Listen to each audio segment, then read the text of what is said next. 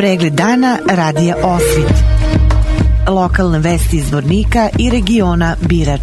Pratite pregled dana za 30. avgust 2023. godine.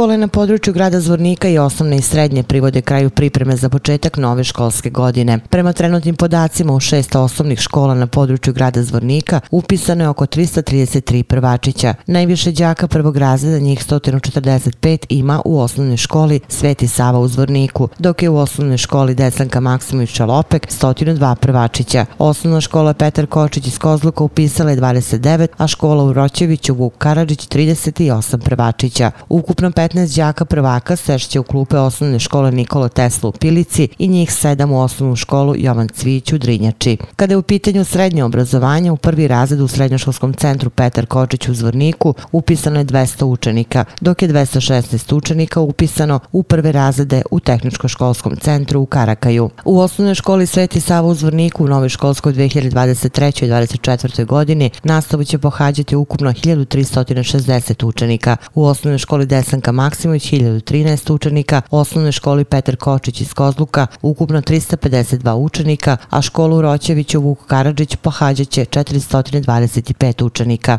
Ukupno 173 učenika sešće u klupe osnovne škole Nikola Tesla u Pilici i njih 108 u osnovnoj školi Jovan Cvić u Drinjači. U srednjoškolskom centru Petar Kočić u Zvorniku nastavu će u 2023. i 2024. godini pohađati ukupno 863 učenika, a u tehničko-školskom centru Karakaj slučaju školovaće se 772 učenika.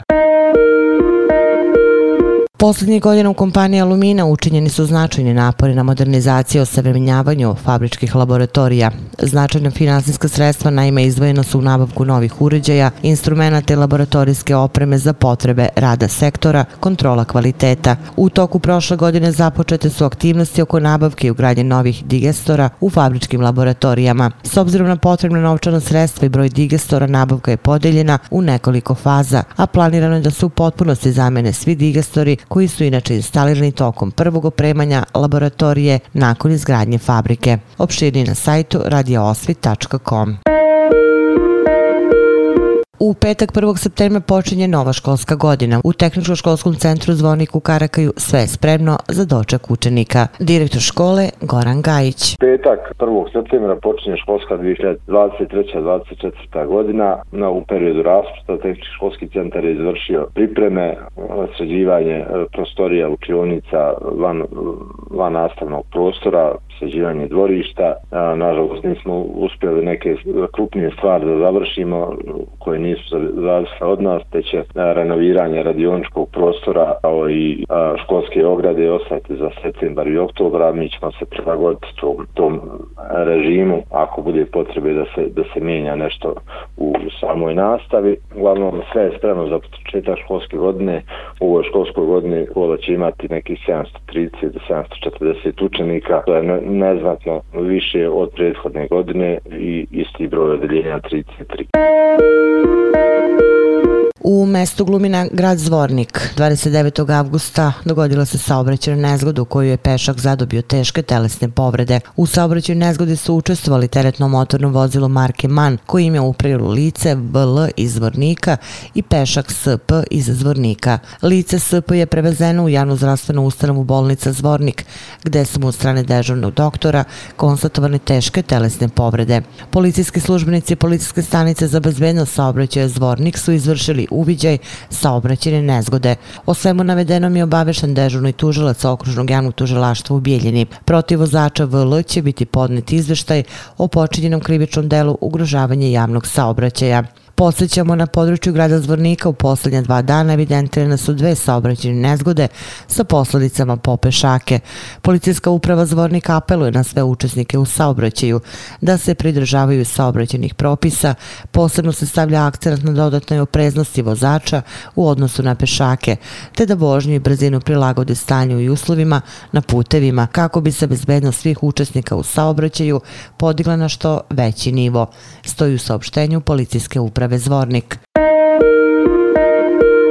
U okviru svoje posete Srebrenice, zamjenik pomoćnika državnog sekretara za Evropu i Evroaziju Gabriel Escobar juče je razgovarao i sa predstavnicima organizacija civilnog društva koji su u proteklom periodu s podršku ambasade SAD u Bosni i Hercegovini realizovale programe sa ciljem jačanja ove i susednih lokalnih zajednica. Upravo zahvaljujući ovoj podršci Udruženja prijatelji Srebrenice realizuju školu roka za mlade iz Srebrenice Bratunca, Miliće iz Vlasenice, u okviru koje je održan i juče završen kamp na Tjentištu.